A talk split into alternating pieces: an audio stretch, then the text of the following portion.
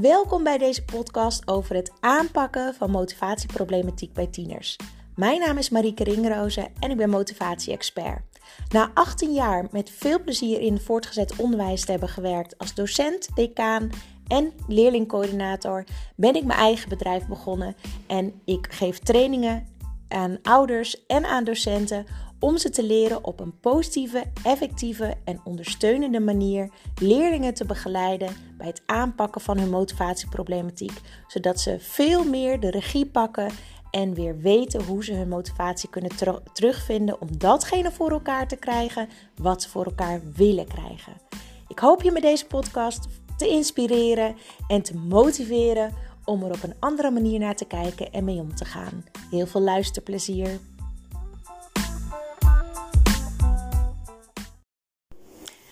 Yes, yes. Een podcast over leef je leven. Want wat we soms wel eens vergeten is dat wij zelf invloed hebben op wat wij denken. Dus onze gedachten. Gedachten zijn onwijs sterk. En jouw eigen gedachten sturen ook jouw eigen leven. Dus wat jij denkt, dat gebeurt. Ik geloof dat echt dat dat zo is.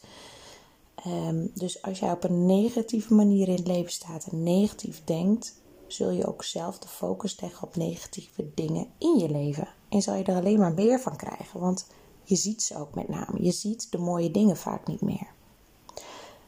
Om die reden is het dus belangrijk om heel bewust met je gedachten bezig te zijn. In het begin heel bewust en op de duur gaat het steeds makkelijker. Dus focus je op het positieve. Focus je op de kleine dingetjes waar je van geniet. Focus je op dat de zon lekker schijnt. Dat uh, de kinderen lekker met vrienden aan het zwemmen zijn. Op uh, dat je uh, een lekkere groene tuin hebt. Dat je je goed voelt. Dat je een leuk berichtje hebt gekregen. Weet ik veel wat. Focus je op alle positieve dingen elke dag.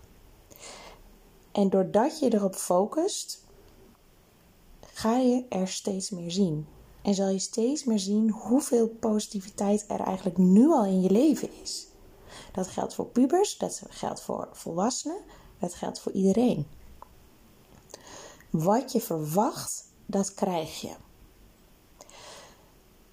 Dus als jij um, even terug op, op eh, de jongeren, hè, jullie, jullie pubers.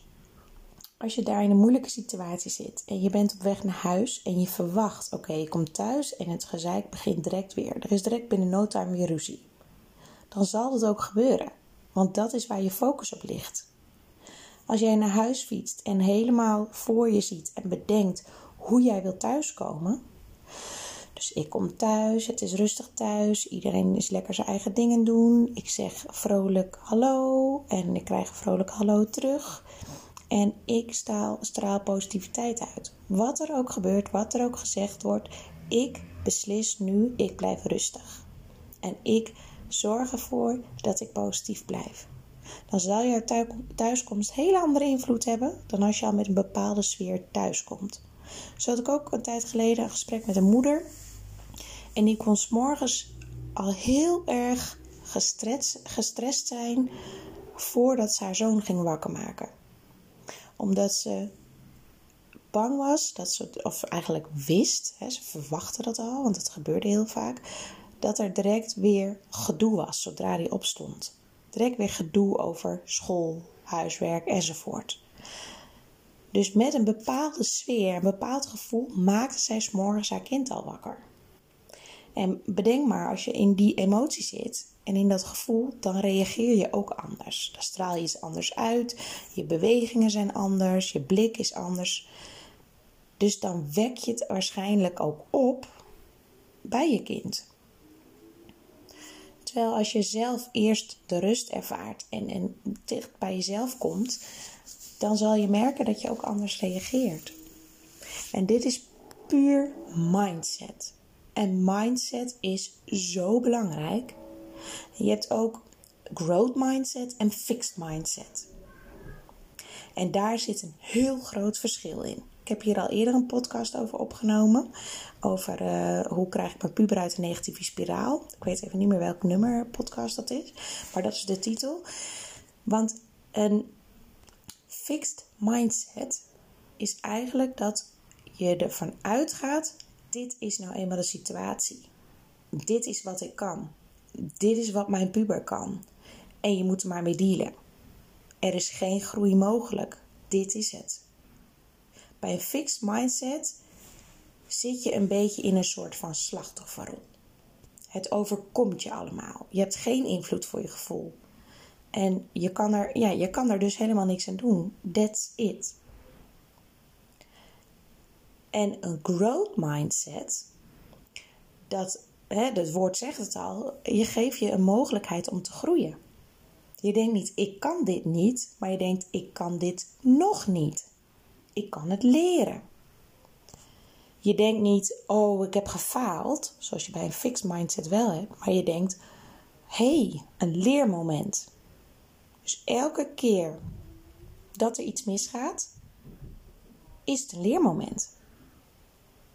En dat is heel, heel, heel belangrijk verschil. Je mag fouten maken. Sterker nog, je moet fouten maken. En dat is heel erg belangrijk. En dat is echt een verschil in je succes. Dus als jij fouten van jezelf mag maken, dan zal je blijven leren, leren, leren.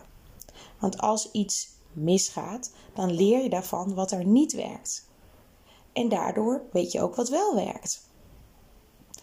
Dus ik leg ook altijd aan jongeren uit, maar ook toen ik nog op, uh, op een middelbare school werkte als decaan, waren er heel vaak jongeren die durfden geen studiekeuze te maken. Want ze waren bang dat ze een verkeerde keuze zouden maken. Maar een verkeerde keuze bestaat eigenlijk niet. Het kan zijn dat je uh, erachter komt dat de studie niet helemaal bij je past. En dat je uiteindelijk iets anders wilt doen. Maar had je dat ook geweten als je die studie niet was gaan proberen? Als je er niet aan begonnen was?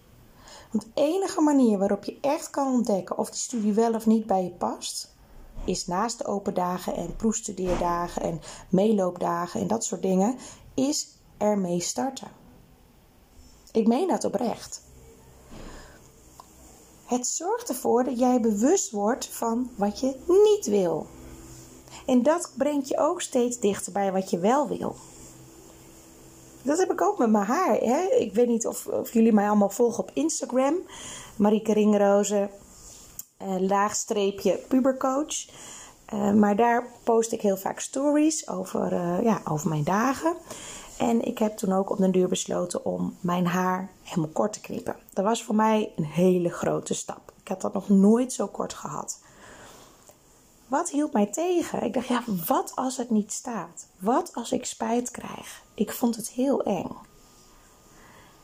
En het grappige was, er was één iemand die reageerde daarop met, met een berichtje naar mij. Marieke, haar groeit gewoon weer aan, hè? Als dit het level is van jouw lef, hmm, zag ik, jeetje, ja, het is gewoon helemaal waar. Hoe eng is dit? In het ergste geval, ja, dan is het inderdaad niet helemaal wat ik wil. Maar na een paar weken is het alweer een stuk langer. En dan weet ik in ieder geval wel hoe het staat, het korte haar. Want als je niet kort knipt, weet je uiteindelijk ook niet of het staat en hoe het staat. Dus soms moet je gewoon stappen nemen om een ervaring rijker te worden. Om te weten, oké, ik wil nooit meer kort. Of nou, dit vind ik eigenlijk wel leuk. Of misschien wel, nou, wat is mijn volgende uitdaging? Ik wil vaker uit mijn comfortzone. Dus mindset is heel sterk. Een negatieve mindset, een positieve mindset. Ze zijn allebei heel sterk. En het is aan jou welke je kiest. Kies je voor de negatieve mindset, dan kies je er bewust voor om negatieve dingen aan te trekken. Om het leven als zwaarder te ervaren. Um, kies je ervoor om een positieve mindset te krijgen en je te richten op alle mooie kleine dingen, dan zal je ook steeds meer positiviteit aantrekken. En je zal steeds meer liefde kunnen uitstralen. Als jij liefde uitstraalt, trek je dat ook aan. Bedenk maar als iemand langs fietst en, je en die kijkt je heel nors aan. Dat doet iets anders met je dan iemand die langs fietst en een glimlach had. Zo was ik vanmiddag nog met, uh, met mijn hond Benji even een rondje aan het lopen. En uh, toen kwam er een, uh, een, een ouder stel aan. Uh, nou ja, echt een opa en oma eigenlijk uh, kwamen er aanlopen. Hand in hand, super schattig. En ze lachten heel vriendelijk naar mij. En ze zeiden ook hallo. En dan krijg je een bepaald gevoel van binnen, daar word je blij van. Dus dat straal je dan ook uit. En die mensen straalden ook geluk uit met elkaar. En dat is wat mindset doet.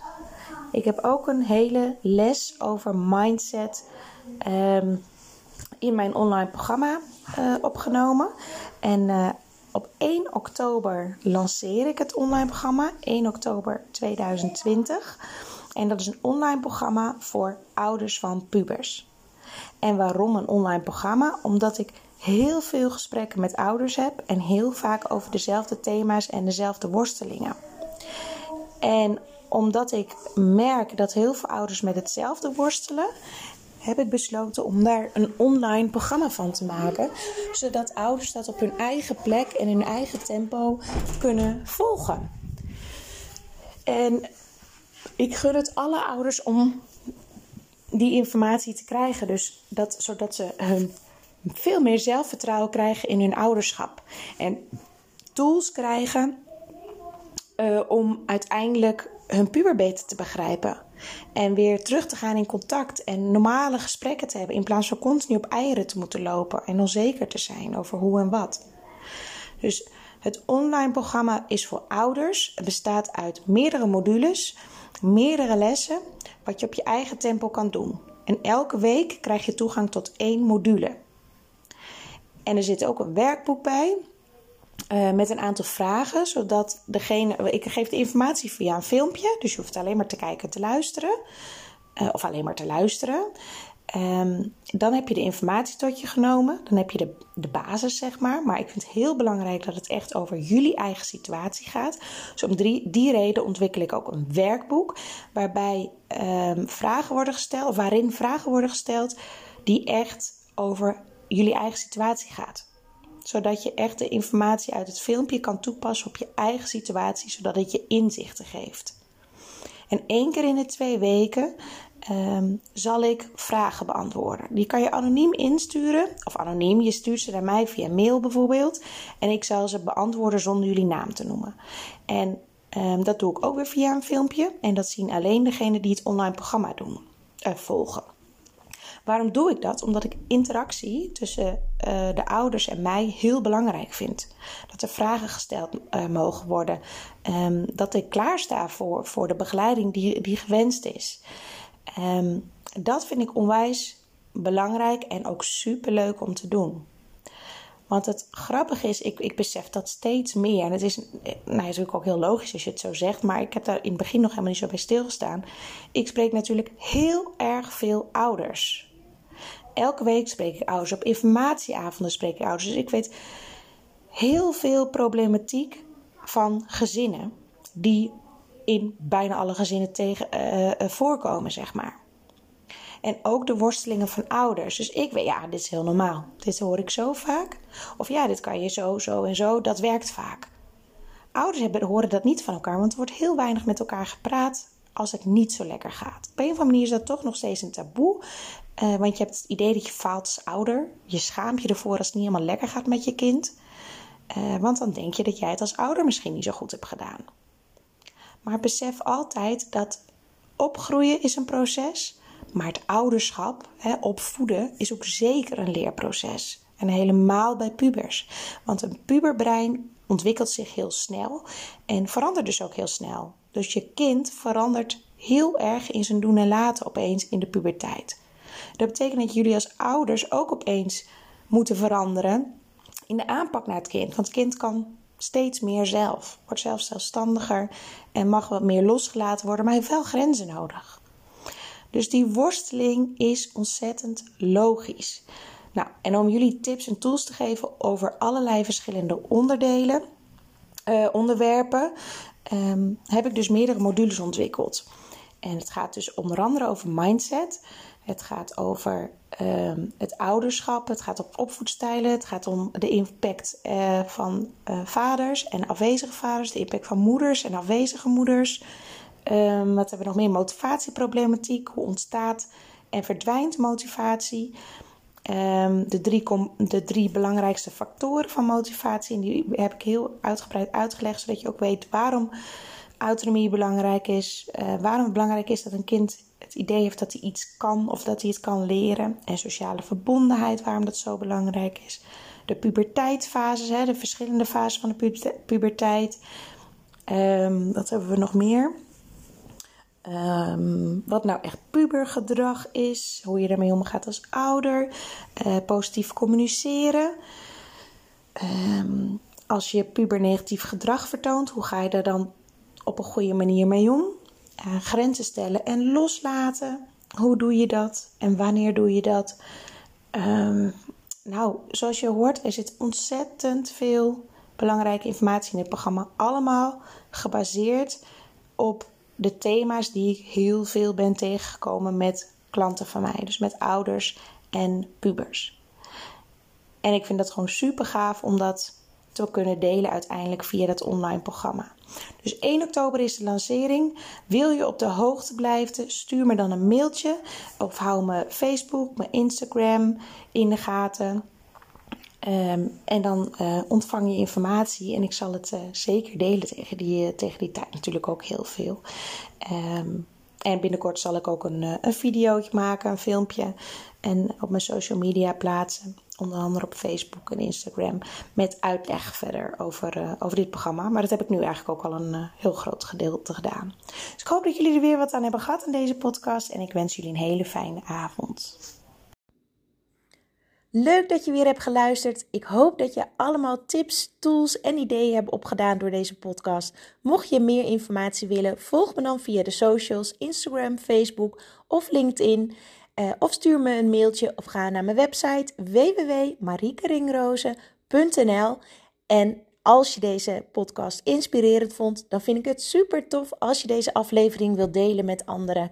En tag mij dan eventjes, zodat ik weet wie er luisteren naar mijn podcast. Dat vind ik altijd super tof om te zien. Alvast bedankt. Doei doei.